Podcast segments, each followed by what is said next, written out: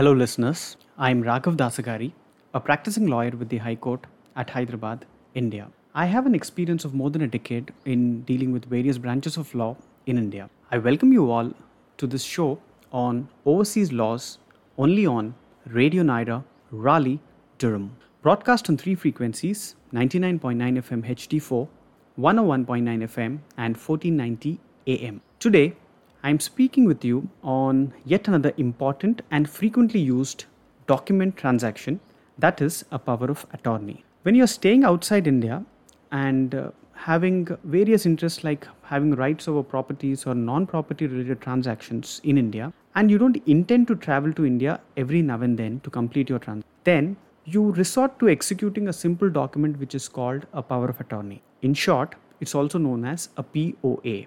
Through this legal document, you entrust someone else who usually stays in India to do certain things for you on your behalf. Most of you may have, in a routine manner, executed these documents for various situations in your life. Trust me, this legal document may be a blessing or a curse to you depending on how well you, as the principal, is aware about it. You know, I have myself seen numerous instances of these uh, POAs being misused by individuals against the very interest of the principal or the, the person who grants power under a POA. So, I really can't lay enough emphasis and stress on how important it is to realize and understand the significance of this legal document. Therefore, I have thought that you know I should discuss about this topic today with all my listeners. There are two characters in a POA. First is a principal and second is an agent or you can also call him an attorney.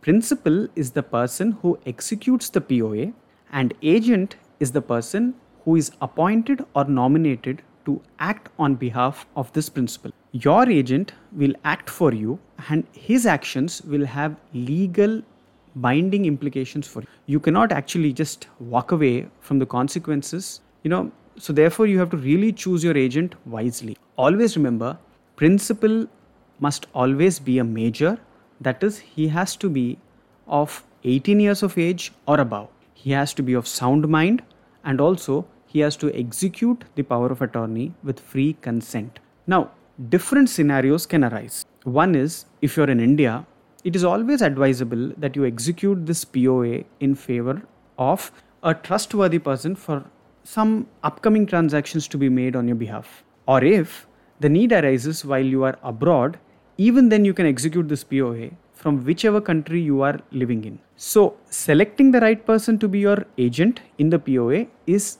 the most significant aspect, coupled with the fact that on what scope of rights you actually intend or wish to give under this document. So, you may ask me, when do I need a POA?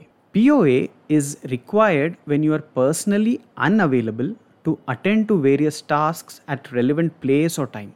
The reasons can be multiple you know, such as you may be living abroad or you're always traveling or you could be in an indisposed state due to various medical conditions, etc. So, a power of attorney can be created to empower the agent to act on your behalf for matters such as financial matters or maybe your property related matters, commercial company matters, tax matters, etc. So, in any case, you should follow some basic steps while you intend to create this particular document. The first step that I would tell you is drafting a power of attorney deed.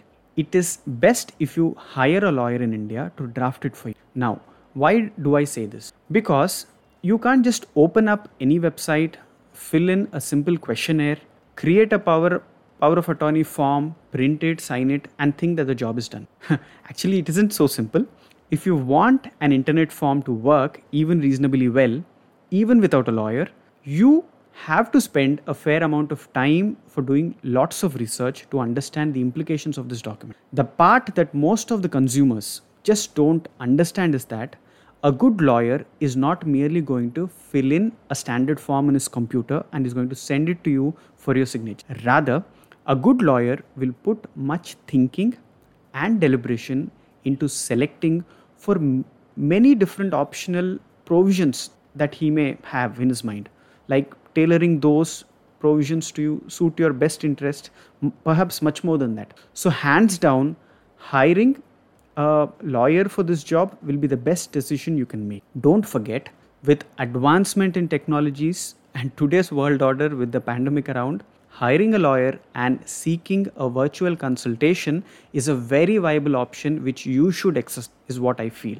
The second step, you have to get this POA attested by the Indian embassy or a consulate in the country you're living in, or this document can be even attested by a notary public from your place of residence. Next step, the person making this deed, who, that is the principal, should sign the deed on all pages. Next, the attested deed should be sent to a known person in Indian address through a registered post or a courier. Never ignore this part because even the post that is sent to you to the person in India actually has a lot of significance. Now, the last step is the person who receives this deed through the registered post has to again go to the local sub registrar's office or the sub divisional magistrate office in India. He has to get this POA registered by paying the appropriate registration charges as applicable in that particular state. Now, moving on to what are the types of POAs that are available? Well, broadly, there are two kinds of POAs that you can execute. The first being a general power of attorney, and the next being a special power of attorney. A general power of attorney is usually a document that allows an agent to act on behalf of the principal on more than one matter. There is no expiration date on a general power of attorney unless otherwise specified. On the other hand, a special power of attorney is created to give an agent power to complete a specific job. The power of attorney ceases to apply once the transaction is completed. Now I'll give you an example of what a general of power general power of attorney is. So if it is understood in relation to a property, I can say that a general power of attorney gives a right to an agent in wide range of things. It could be like maintaining the property, collecting rents from your tenants, or payment of property taxes, or taking care of litigations in connection with the property, or rent out the property to some other new tenant, or it could be the sale of property. This, as I told you, this this involves a wide range of things that can be done. Now, coming to what a special, special power of attorney does. A special power of attorney, again in relation to a property, can be understood where a principal gives a specific power, such as the property to be sold to individual A or any other party who pays the best price. This could be a specific task that is given under this document, which is called an SPA. So, I, think you've you, you have fundamentally understood the difference between these two kinds of uh, POAs that one can execute. Now, how does one prepare a POA? So, the law in India does not prescribe any specific format or a template for a POA, and this could be actually prepared as per one applicant's own requirements. Now, it is also not necessary that a POA has to be printed on an Indian stamp paper. That's not a case. You can even print this on a plain paper, and even if you have an Indian stamp paper, you can as well do it on that. Now, what should be included in a power of attorney? Uh, while making a POA from outside India, make sure that your deed includes the following details. Number one, the principal's details, such as the name of the principal, his age, his foreign address, his Indian address, and occupation should be mentioned first.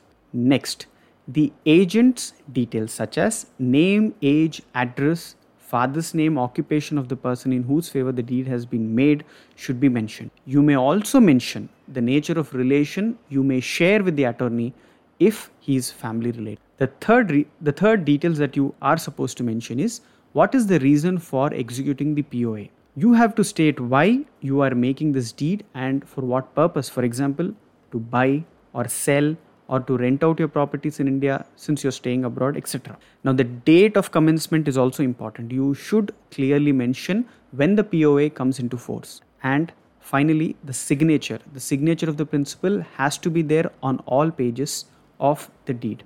Now, we are taking a quick break and we'll be back after these messages. After the break, I will tell you the process to get attestation from Indian embassy or consulate including both physical and the process through mail service. I'll also tell you how can you revoke a POA. I will tell you the risks that are, are associated with this.